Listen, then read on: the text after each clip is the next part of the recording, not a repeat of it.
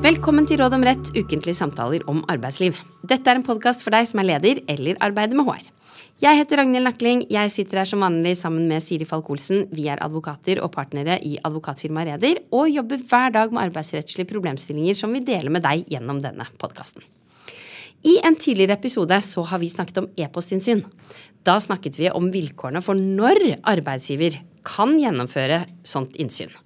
Men i dag så skal vi snakke om noe av det samme, nemlig innsyn i e-post. Men vi skal snakke om hvordan innsynet skal gjøres. Og Siri, du er HR-sjef i et større konsulentselskap. Du blir innkalt til ledermøte for å diskutere tre varsler som nylig er kommet inn. Og på ledermøtet så kommer det fram at den siste uken så kom det da Altså alle disse tre kom den siste uken fra ansatte i en av avdelingene i konsulentselskapet. Alle gikk ut på det samme, alle var rettet mot den samme personen. En av mellomlederne skal ha sendt e-poster med diskriminerende innhold i en gruppetråd rettet mot en ansatte eller en ansatt som nylig har valgt å gjennomgå behandling for kjønnskonvertering. Mellomlederen sendte e-poster om at vedkommende burde si opp jobben, at kundene kom til å bli forvirret og muligens gå over til andre når de fant ut om denne operasjonen og navneskiftet, og at ingen kom til å ville spise lunsj med en som ser ut som en transe, sto det i denne e-posten. På ledermøtet så diskuterer dere hvordan saken skal følges opp. Det blir raskt besluttet at det må gjennomføres et innsyn i e-posten til mellomlederen. Hvis det som står i varslene er sant, så er det stor sannsynlighet for at det kan være oppsigelsesgrunnlag. Du blir bedt om å følge opp prosessen, og du skal gjennomføre innsynet. Og Siri, hvilke råd vil du gi til denne HR-sjefen? Hvilke prosedyrer må følges nå? Ja, eh, siden det her eh, er en situasjon hvor det i hvert fall kan være et oppsigelsesgrunnlag hvis mistanken rundt at eh, denne personen har sendt eh, ugreie e-poster, eh, så tenker jeg at vi bare legger i hvert fall til grunn at vilkårene for e-postinnsyn nå er oppfylt. Vi diskuterer ikke det noe nærmere. Men, men, det neste steget da vil være eh, å utarbeide eh, et varsel til arbeidstakeren om at det vil gjennomføres et innsyn i hans e-postkasse. Det er på en måte første skritt når man skal gjennomføre innsyn. Og noen av lytterne våre som kanskje er mye borti arbeidsrett, vil jo kanskje allerede nå begynne å tenke og lure er det grunnlag for oppsigelse, er det ikke? Men det er da ikke utgangspunktet vårt her. Det er at uh, man legger til grunn at det kan være det, og da skal man sende et varsel. Hva skal dette varselet inneholde? Ja, altså Dette varselet det skal inneholde en begrunnelse på hvorfor innsynet skal gjøres. Altså hvorfor arbeidsgiver mener at vilkårene i personvernforordningen og e-postforskriften er oppfylt. Og I tillegg så skal det informeres om arbeidstakers rettigheter ved innsynet. Altså også eh, at arbeidstaker har rett til å uttale seg før innsynet gjennomføres. Og så Varselet det bør også informere om hvordan innsynet skal gjennomføres antatt varighet, hvor lang tid vil det ta, eh, og når det skal gjennomføres. Og dette tidspunktet for innsyn det bør jo være såpass høy, Altså man må varsle med en såpass frist at arbeidstakeren får en reell mulighet til å uttale seg på forhånd. Og må det alltid gis forhåndsvarsel før et sånt innsyn gjennomføres? Nei, Det som står i denne e-postforskriften, det er det at arbeidstaker så langt som mulig skal varsles og få anledning til å uttale seg før arbeidsgiver gjennomfører innsyn. Men, men jeg tenker det er greit å si at terskelen for å unnlate varsling, den er ganske høy. Mm. Men selv om den er høy, når kan man tenke seg da, at man kan unnlate å sende et sånt forhåndsvarsel? Hva hvis, hvis arbeidsgiver vet at det ligger en viktig e-post med kort svarfrist i innboksen til en ansatt som er borte? Og da tenker vi oss jo ikke situasjonen hvor det kan være grunnlag for oppsigelse, men at du må ivareta virksomhetens interesser. Hvis du vet at den e-posten må besvares innen to timer, f.eks. Tja, i et sånt tilfelle så kan det tenkes at det kan gjøres innsyn uten å forhåndsvarsle. Um, altså, da tenker jeg at det må være av en veldig høy viktighet uh, å få svart ut den e-posten, og at det er helt umulig å gjøre det på noen annen måte. Men annen, et annet eksempel som kanskje er mer nærliggende, det er jo ved mistanke om straffbare forhold, f.eks. For underslag. Uh, unntaket gjelder kun hvis det er nødvendig å hemmeligholde innsyn av hensyn til etterforskning av eller rettslig forfølgning av straffbare forhold. Og Da er det ikke nok at liksom, noen har påstått at det er begått underslag. Mm. Og Da kan det være grunnlag for å gjennomføre innsyn uten å varsle på forhånd. Hva med noe som jeg tipper at vi begge har vært borti? Eh, vi skal bistå i forbindelse med et innsyn, og så sier arbeidsgiver klienten til oss at nei, du, her arbeidstaker kan slette, kan endre innholdet i e-postkassen hvis vi sender et sånt forholdsvarsel. Det går jo ikke. Mister innsynet hensikten sin da, eller hva, hva gjør man? Eh, jo, og her kommer vi over i, til et annet eksempel på når varsling i praksis ofte unnlates. Altså dette hvis det foreligger konkret eh, fare for bevisforspillelse eller manipulasjon, sant, som du er inne på. Man er redd for at hvis man varsler, så vil arbeidstaker slette eller slette sine spor knyttet til hva man har gjort. Men her er det viktig at um, en sånn risiko Det er ikke nok til å unnlate varsling hvis arbeidsgiver kan ta en speilkopi før innsynet starter opp, noe som ofte i praksis er mulig å gjøre. Og til lytterne våre, eller den arbeidsgiveren som da prøver seg på å si dette til oss, og hvor vi svarer at ja, men du kan jo ta speilkopi. Hva er speilkopi? Jo, det er rett og slett at arbeidsgiver tar en kopi av innholdet i e-postkassen eh, eller filene det er planlagt å gjøre innsyn i, uten at innsynet gjøres. Man tar en frys, eh, sånn at eh, man får et bilde av hvordan e-postkassen så ut på et bestemt tidspunkt. Eh, og da vil det ikke være mulig, eller da har man en speilkopi, sånn at eventuell sletting i ettertid vil ikke påvirke hva man får se. Eh, og da kan arbeidsgiver deretter informere arbeidstaker om at det vil bli gjort innsyn i denne speilkopien. Og På denne måten så blir den ansattes personvern tilstrekkelig ivaretatt ved at man eh, som arbeidstaker får forhåndsvarsel og muligheten til å uttale seg, samtidig som denne faren for bevisforspillelse, eh, manipulasjon, da, den avverges. Og så er det viktig å understreke at det at man tar en speilkopi, betyr ikke at man har rett til å gjøre innsyn. Ehm, så innsyn i denne speilkopien, det må følge de samme reglene som, som innsyn i e-post. Mm. For det er jo egentlig det, det er akkurat det det er. Det er en kopi av e-postkassen på et ja. vis. Og da, okay, da har vi på en måte vært innom at det er ikke lovlig å gjøre hemmelig innsyn når det foreligger konkret fare for bevisforspillelse fordi det jo nesten, i hvert fall så vidt meg bekjent, alltid egentlig er mulig å ta en speilkopi først. Men la oss si da at man ikke sender noen forhåndsvarsel likevel før innsyn gjennomføres. Hva skjer da? Ja, og jeg tenker at Det er ikke helt uvanlig. Sant? Kanskje ikke arbeidsgiver er kjent med denne muligheten. Eh, man er redd for eh, altså, Særlig i sånne saker hvor man er redd for at det er begått straffbare forhold eller man er redd for at eh, bevis skal slettes, da, så skjer det jo ganske ofte at arbeidsgiver kanskje velger å ikke eh, varsle på forhånd. og så kan man diskutere om det er riktig osv., men, men det skjer en del i praksis. Um, og hva som da skjer, da er det veldig viktig at arbeidsgiver vet at arbeidstaker skal ha skriftlig beskjed så snart innsynet er gjennomført etterpå. Og her er det ingen unntak. sånn at har man gjennomført innsyn uten å varsle arbeidstaker på forhånd, eh, så er det veldig viktig at arbeidstaker får et eh, skriftlig varsel så raskt som mulig etter innsynet gjennomført. Og hvis man da ikke har gitt forhåndsvarsel, hvilken informasjon skal man gi da? Eh, man skal gi den samme informasjonen som i forhåndsvarselet, altså begrunnelse for innsyn og hvilke rettigheter arbeidstaker har. I tillegg skal det informeres om hvilke metoder som, som ble benyttet ved innsynet, hvilke e-poster eller andre dokumenter som ble åpnet, og resultatet av innsynet. Eh, et innsyn kan jo gjennomføres på flere måter. F.eks. så kan det gjøres innsyn i hele e-postkassen. Dette er nok veldig sjeldent lovlig.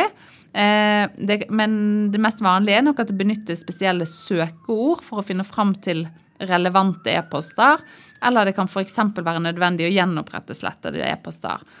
Uansett eh, hvordan det er gjennomført, så er det dette man skal varsle arbeidstaker om da i etterkant. Og da har vi hørt om at man i utgangspunktet har krav på forhåndsvarsel, man har uansett krav på informasjon. Hvilke andre rettigheter har arbeidstaker i forbindelse med innsyn i e-post og andre elektronisk lagrede dokumenter, som man sjelden gidder å si, rett og slett? jo, er viktig å, å, gjøre oppmerksom på at arbeidstaker har rett til å protestere mot at arbeidsgiver gjør innsyn. Så hvis en ansatt protesterer, så skal det mer til for at arbeidsgiver skal kunne lovlig gjennomføre e-postinnsynet. Da heves terskelen på et vis. Eh, og for at arbeidsgiver likevel skal kunne gjennomføre innsynet, så må det kunne dokumenteres at det foreligger tvingende, berettigede grunner som går foran, for, foran eh, arbeidstakerens interesser. Og arbeidsgiveren må altså dokumentere at formålet er så viktig og så tungtveiende at innsynet kan gjennomføres til tross for denne protesten. Eh, og et alternativt grunnlag etter at arbeidstakeren har protestert, det er det at behandlingen foretas eh, for å fastsette eller gjøre gjeldende eller forsvare rettskrav.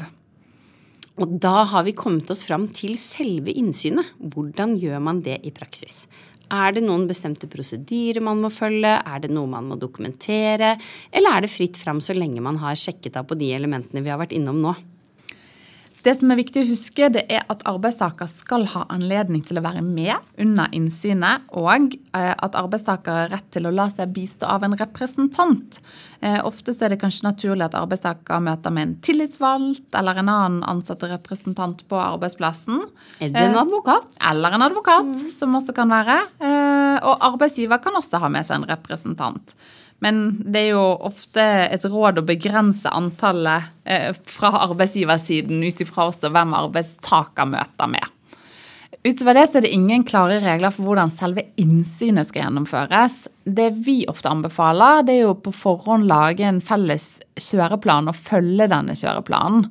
Eh, og litt enkelt sagt så kan et innsyn foregå sånn at arbeidsgiver som skritt én logger seg på den ansattes e-post, eventuelt ber den ansatte åpne selv hvis arbeidstaker er til stede og, eh, under innsynet. Eh, og to, at man gjennomfører søk på avtalte søkeord. Og steg tre, at man eh, åpner en e-post og legger disse, altså relevante e-poster over i en egen mappe, som man da kaller f.eks. For, for innsyn. Eh, og så steg fire, til slutt så kopierer man disse f.eks. over til en minnepinne. Eh, vi anbefaler alltid å føre protokoll eller eh, logg under tilsynet for å forhindre konflikter i etterkant, og også sikre en form for notoritet rundt hva som er blitt gjort. Og Hvor detaljert en sånn logg eller protokoll skal være, det avhenger jo litt av informasjonsmengden. For her kan man jo se for seg både innsyn i e-post som gjøres i løpet av et par timer. Man kan også se for seg innsyn i e-post som faktisk varer over lang, lang, lang, lang tid, og hvor kanskje personen ikke sitter der hele tiden. Men dette med notoritet er jo veldig viktig. Og en annen ting jeg tenker det er verdt å nevne, er jo hvor voldsomt inngripende dette er. Og derfor også hvorfor man har så strenge regler om det. Eh, og at den opplevelsen er eh, Ja, den er jo litt overveldende de første gangene man gjennomfører et sånt eh, innsyn. Og det kan vel egentlig være det eh, hele, hele, tiden. En annen ting jeg tenkte på, var dette med når vi sant, du sier, legger det over på en minnepinne, at også da den som det er blitt gjennomført innsyn hos, får det man har tatt kopi av. Mm. Sånn at man har oversikt over det. Mm. Og det siste er jo egentlig eh, dette med ikke sant, man åpner én og én e-post, men lukker det jo også, da. Eh, med en gang man ser det ikke er noe relevant. Og jeg tenker at Det du sier der, Ragnhild, er et viktig poeng. Dette med at eh, en del arbeidsgivere kan tenke at ja, men jobb-e-post er jobbens e-post, eller det er arbeidsgivers e-post. Eh, men eh, veldig mange bruker jo e-post også til en del private ting. Det skal man si at ideelt sett bør man ikke, men de aller fleste gjør det i større og mindre grad. Eh, og det å gå inn og lese en arbeidstakers e-poster, eller få tilgang til det, det gir utrolig mye informasjon. Og det er på en måte et stort personverninngrep. Og det er jo også eh, grunnen til at man har strenge regler rundt dette. Og det tenker jeg at det er viktig å ha, ha et bevisst forhold til som mm. arbeidsgiver. Det er derfor vi har disse reglene. Mm. Og så var du inne på dette med søkeord, som jo da ikke står noe sted i forskriften, men som er en del av eh, på en måte veiledningen til hvordan man kan gjøre dette på en god måte. Da. Eh, hva, hva, mener du med søkeord? Ja, altså Når man gjennomfører innsyn, så er det kanskje Da har man jo oppgitt en grunn for hvorfor man gjør det, og det kan, er jo da ofte lurt, smart og hensiktsmessig å lage søkeord som har sammenheng med grunnlaget for innsynet, og som er egnet til å gi relevante treff, og ikke minst for å minimere risikoen for at dokumenter som ikke omfattes av innsynsretten, blir jo sendt for arbeidsgiver. Så her var jo det snakk om eh, en eh, arbeidstaker som kanskje har drevet med en ganske sånn trakasserende opptreden i en sjette gruppe, og man har noe informasjon om hva som har blitt sagt og gjort.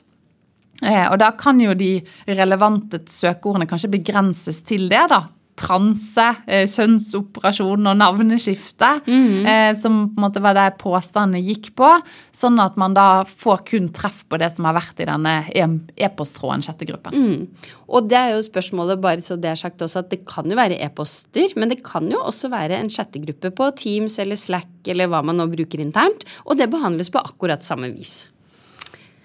Em, hvis man åpner en e-post og ser at det ikke er noe relevant der, em, så er det jo et prinsipp i GDPR som de fleste av lytterne våre sikkert vet om, at skal, eh, altså innsamling av data skal avgrenses til det som er strengt nødvendig for å oppnå formålet.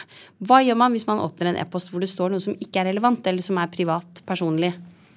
Ja, og det er jo dessverre sånn at det er ganske fort gjort i et sånt e-postinnsyn at man åpner e-poster med eh, ikke-relevant eller privat innhold. Eh, særlig hvis man da ikke har gode nok eh, søkeord. Det som da er viktig, det er å lukke e-posten så raskt som mulig hvis den blir åpnet. Eh, og at eh, eventuelle kopier som er blitt tatt av ikke-relevante e-poster, slettes. Og her tenker jeg at man som ansatt minimerer risikoen veldig hvis man rett og slett ikke bruker jobbmail privat. Altså, Jeg vet det er enkelt å si, og vi, de fleste av oss synder sikkert i varierende grad litt mot det, men eh, det er noe som arbeidsgiver bør understreke i retningslinjer for bruk av IT-systemer, eventuelle retningslinjer for e-postinnsyn. Det er jeg veldig enig i.